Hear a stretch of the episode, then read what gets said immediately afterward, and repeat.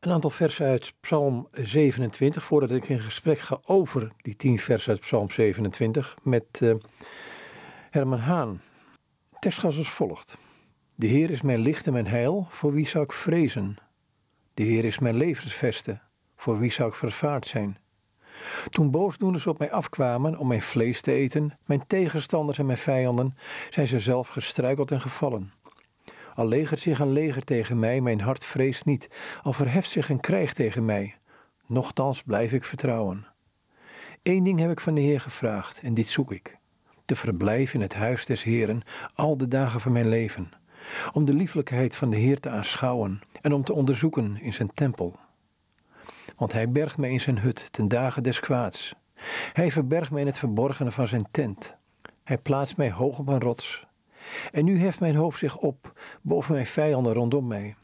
Daarom wil ik in zijn tent offeren, offers met geschal. Ik wil zingen, ja, psalm zingen voor de Heere. Hoor, Heere, hoe ik luide roep. Wees mij genadig en antwoord mij. Van uwentwegen zegt mijn hart, zoek mijn aangezicht. Ik zoek uw aangezicht, Heere. Verberg uw aangezicht niet voor mij. Wijs uw knecht niet af in toren. Geef waard mijn hulp. Verwerp mij niet en verlaat mij niet, o God van mijn heil. Al hebben mijn vader en moeder mij verlaten, toch neemt de Heere mij aan.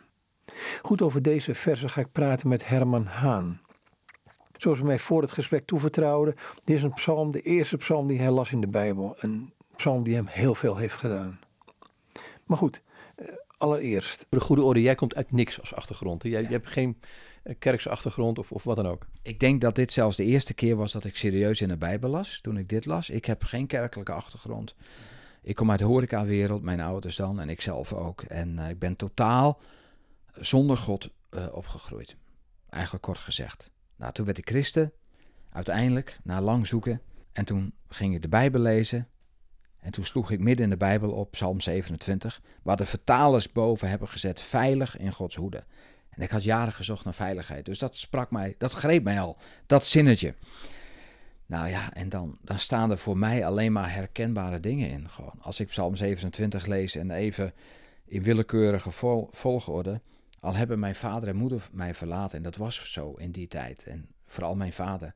Maar God verlaat mij niet. Nou, dat was zo, dat legde zo'n bodem, fundament in mijn nieuwe bestaan.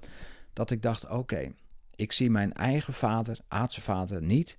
Maar ik heb een hemelse vader en daar kan ik mee verder. Want ik moet vooruit, ik moet leven, ik moet doorgaan.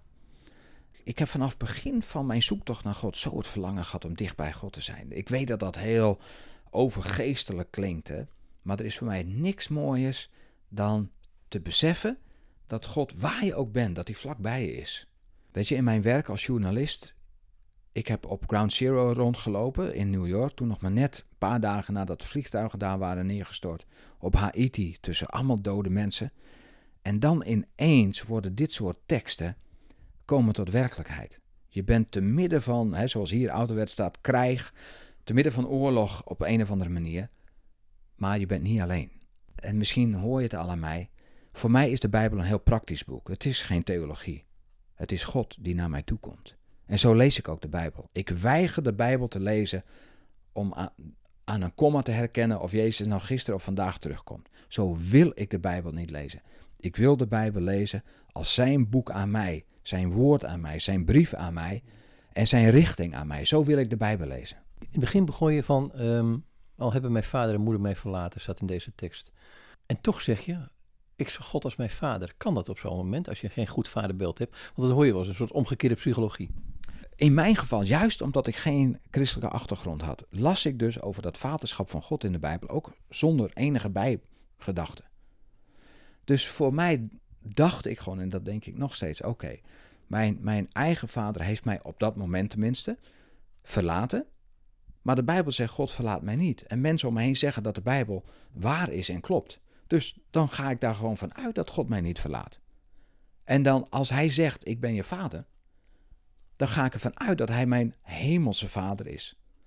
En dat woord zegt het al. Hij is mijn hemelse vader met een helikopterblik op mijn leven met het grote plan die ik zelf mag invullen. Nou, dat is een prachtig besef. Dat is een prachtig besef. En om dat te ontdekken in de Bijbel, als je van niks weet en je ontdekt dat Jezus naast je komt staan, dat God als een vader of als directeur van je leven over je waakt en je leven leidt. Ach, dat was zo'n geruststelling voor mij. Is met je vader nog goed gekomen? Ja, ongeveer twintig jaar nadat ik deze woorden las, is het helemaal goed gekomen. En we zien elkaar nu heel vaak. Hij is bijna 97. Het is een oude man geworden. Hij is ook veranderd. Hij is ook op zoek gegaan naar God. En hij heeft ook zijn eigen zoektocht daarin gehad. In zijn eigen manier van bevinding. En we hebben het heel gezellig met elkaar. Lijkt me een hele stap om hè, van deze tekst te komen tot volledige acceptatie. En het feit dat je vader je weliswaar verlaten hebt. Ja, wat is vergeving dan? Vergeving is vooral jezelf en de ander niet meer de schuld geven van wat er gebeurd is. De pijn van sommige dingen blijft. Want dat is wat anders dan vergeving. Ik heb nog steeds pijn van mijn verleden. Van wat ik zelf mensen heb aangedaan, van wat mij aangedaan is. En ik vind dat ook niet erg, moet ik zeggen. Dat herinnert mij aan slechte tijden. En het doet mij beseffen dat het veranderd is. Dat ik vrijheid heb leren kennen. Je hebt een stap moeten zetten. Ja, maar dat is niet verkeerd. Heel veel mensen denken ook, als ze Godvolgers zijn, van oké, hij zet een stap. Nee, God geeft jou of mij de kracht om die stap te zetten. En dan is het hij en mij, om het maar eens geestelijk te zeggen, maar eigenlijk doe ik het gewoon zelf. En ik geloof wat dat betreft, ook als ik trouwens de Bijbel lees hoor, geloof ik in heel veel zelfwerkzaamheid en zelfredzaamheid. Ik bid nooit zo lang. Ik lees ook nooit zo lang in de Bijbel. Als ik twee zinnen gelezen heb, dan kan ik weer een dag vooruit. Dan denk ik, wow. En ik mag daarvan genieten. Ik vind dat prachtig. En soms lees ik ook een week niet de Bijbel. En ik, ik heb er niks meer of minder om. Want God is bij mij. Maar als ik de Bijbel lees, dan, dan ben ik nog steeds sta ik versteld. Weet je wel, maar je moet zelf stap zetten. En de Bijbel roept ons daar ook toe op. Er is niks mis mee. Dus niet zitten wachten op het moment dat. Nee, dat zijn maar hele zeldzame momenten.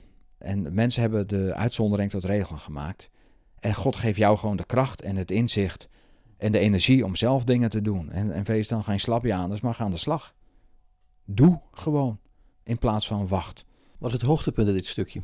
Er zijn meer hoogtepunten. Voor mij zijn er twee hoogtepunten.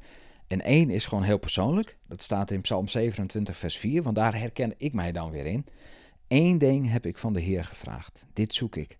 Te verblijven in het huis des Heren al de dagen van mijn leven. Om, om de lieflijkheid des Heren te aanschouwen. Weet je wel? En voor mij betekent dat. Er is een God die is zo groot en zo veelzijdig.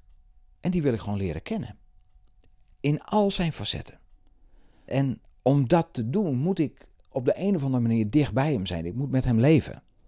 En dat kan in mijn auto zijn, dat is in mijn huis, dat is in mijn werk. Maar ik heb heel sterk dat verlangen. Dat verlangen is gekomen toen ik uh, mijn leven ja, op de weegschaal van God heb gelegd. En wilde veranderen, moest veranderen ook. Toen is dat verlangen gekomen. En ik bedoel, ik doe heel veel foute dingen hoor. Maar er is gewoon een diep verlangen.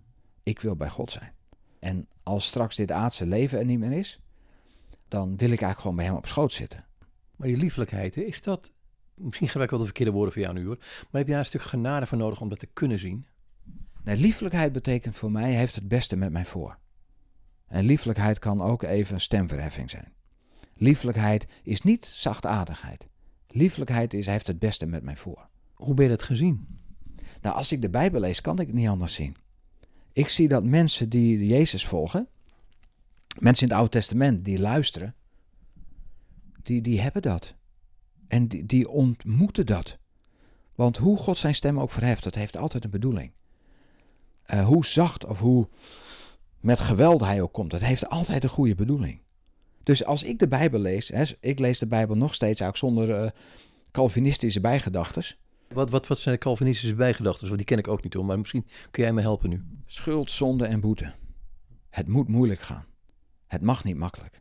Nou, die gedachten ken ik niet. En die lees ik eigenlijk ook niet in de Bijbel. Ik lees als mensen bij me komen en ze hebben het totaal verknald. Dat ik gewoon simpelweg zeg, ga heen naar zondag niet meer. En, en niet eerst een bijbelstudie van twee jaar of zo, weet je wel. Maar gewoon simpel. Maar wel recht tot het hart en recht in het hart. En natuurlijk, soms moet je goede gesprekken hebben. En het leven is zo waardeloos dat je soms jaren met iemand een diepe weg moet gaan. Maar de oplossing is altijd heel simpel. En de weg, de manier waarop God tot ons komt, is ook heel simpel. In liefde. En dan moet je gewoon de Bijbel lezen. Ja, is dat het enige? Want er is bij jou wel wat gebeurd. Ja, maar dat was toch vanuit. Kijk, ik heb vroeger eh, boze dingen gedaan. Mensen beroofd en dat soort dingen waar ik helemaal niet trots op ben. Maar het was zijn liefde in plaats van zijn oordeel. Gods liefde in plaats van Gods oordeel die mij veranderde. Er was wel een oordeel, maar die werd opgelost in zijn liefde. Er is een straf en die heb ik moeten dragen. Maar dat verandert zijn liefde niet. Die liefde gaf mij kracht om die straf te dragen. Zo. Is, is dat het grote geheim van jouw christen zijn? Dat jij zijn liefde en zijn goedheid ziet? Als ik in de ogen van God kijk, zie ik genade. En daar verdrink ik in. En daar wil ik elke dag opnieuw in verdrinken. En, en die genade stelt mij in staat om het verleden een plek te geven, maar de genade stelt mij ook in staat om de toekomst in te richten. Want genade, de medaille van genade heeft twee kanten. Een opgelost verleden en kracht voor de toekomst. Maar elke dag heeft de toekomst in zich natuurlijk. Ja, en elke dag heeft ook genoeg aan zijn eigen kwaad. Weet je wel? Dus het is elke dag weer een, een prettige worsteling. Met alle gevoelens, met alle prikkels. Ik ben een beetje artiestenfiguur, dus ik heb, uh, ik heb geen eeltlaag over mijn ziel. Ik voel dingen heel erg. Nou, daar moet je ook gewoon mee strijden en worstelen gewoon. En daarom is het ook zo goed om terug te kunnen vallen op, op wat God over jou denkt. En, en zijn liefelijkheid en hoe hij naar jou verlangt. Nou, vind ik fantastisch. Hoe komt het, nu ga ik even een hele andere kant. Hoe komt het dat er, zo, dat er volkstammen zijn die God alleen maar met het vingertje zien? En niet zien zoals God over je. Jij zegt, God denkt zo over mij. Maar die mede daar een, ander, een heel ander godsbeeld in te zien. Ja, en ik bedoel, ik kan teksten uit de Bijbel tevoorschijn halen. Als ik die daar drie van op een rij zet en ze isoleer van de omgeving. Oh, dan is God is, is echt een ellendige God. En, en als je die drie of tien teksten de rest van je leven hoort, dan krijg je een heel verknipt beeld. Als je elke dag, uh, of elke zondag als je naar de kerk gaat, als je eerst boetedoening moet doen, terwijl verlossing de oplossing is, dan krijg je een heel verkeerd beeld. Want dan begin je fout. En daarom, het, het zit 500 jaar in onze genen, misschien al wel langer, om slecht over onszelf te denken. En dat rammel je, rammel je er niet zomaar uit. Jij bent, jij bent door en door slecht geweest, in, in die zin. Je hebt, je hebt je overgegeven aan een liederlijk leven.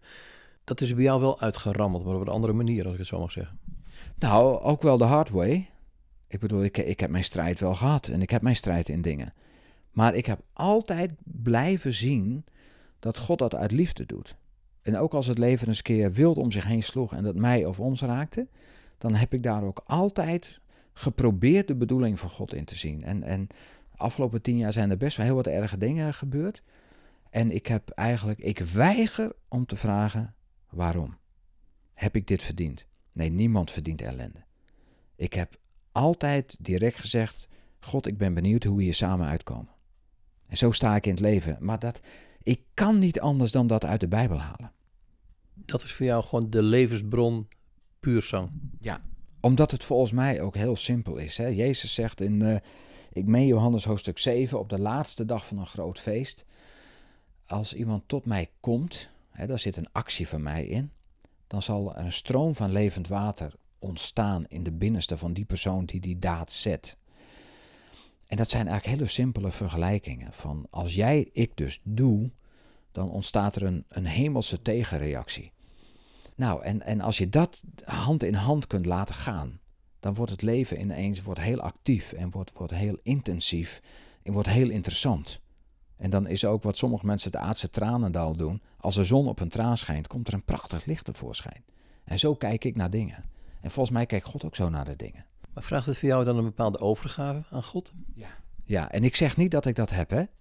Maar het leven zoals een beetje de Bijbel dat volgens mij bedoelt, vraagt totale overgave. Blijft niks van jezelf over, maar ik wil, ik wil dit bij zeggen. Kijk, in de kerk leren we, hoe meer we op Jezus gaan lijken, hoe meer we op onszelf gaan lijken. Maar ik heb ook andersom geleerd. Hoe meer ik op mezelf ga lijken, hoe meer ik op Jezus ga lijken. Dus die twee dingen gaan voor mij tegelijkertijd hand in hand. Maar Jezus speelt er toch een hoofdrol in? Ja, hij, speelt, hij, is, hij is het voorbeeld, hij is de krachtbron, hij is de inspirator, hij is het begin en het eind daarin. Alleen voor mij gaat dat op een hele praktische manier. Ik, ik, ik leef niet, hoop ik tenminste, niet hoogdravend en, en overgeestelijk of zo met de Heer Jezus. Hij is mijn voorbeeld, mijn grote hippievriend en dat bedoel ik met heel veel ontzag. Want hij is de zoon van God die voor mij gestorven is op Golgotha. Maar hij is ook mijn hippievriend die het juiste voorbeeld gegeven heeft. Ik heb gewoon een voorbeeld nodig. Maar hoe, hoe blijft het zichtbaar in je leven? Want ik bedoel, het kan heel abstract worden natuurlijk. Hè? Ja, nou, ik, uh, ik wil mij onder mensen begeven en ik wil daar gewoon door wie ik ben, wil ik toch iets van, van die, die hemelsheid, zeg maar, hè? Dat, dat Jezus gedoe, wil ik laten zien gewoon. En ik zeg ook wel eens, uh, eigenlijk is de kroeg is mijn kerk. Omdat ik denk, waar je ook bent, moet je gewoon een lichtje zijn. En verbazingwekkend genoeg gebeurt dat nog wel eens ook nog. En dat is gewoon mooi. Want God is overal. Dus hij gaat overal met je mee. Kijk, voor mij is de Bijbel een geweldig uitgangspunt in mijn leven. Eigenlijk van de eerste bladzijde tot de laatste. En met uitgangspunt bedoel ik, uh, de Bijbel is, is, is een boek vol wijsheid. Maar de Bijbel is ook heel simpel. En, en simpel, zodat ik het kan begrijpen in ieder geval. Want ik heb nodig dat ik de Bijbel begrijp. God is al zo ver weg, want je ziet hem niet. Dus God heeft simpele woorden gegeven. Weet je wel, volg mij. Geloof in mij. Vertrouw op mij. Wees niet bezorgd. Dat zijn allemaal heel simpele dingen. Nou, en ik wil die simpele dingen toepassen op mijn leven. En daar zeg maar de vrucht van plukken gewoon. En als ik dan Psalm 27 lees, dan spreekt God zelf. En hij daagt mij uit om daar de vruchten van te plukken. En dat is voor mij eigenlijk de Bijbel gewoon in praktijk. De vruchten plukken van wat er staat. Wat er ook in staat is gewoon het feit dat je tegen je eigen ziel kunt zeggen van hé, hey, uh, let even goed op. Ja, ja en dat, dat is inderdaad is dat zo. Dat is ook heel mooi.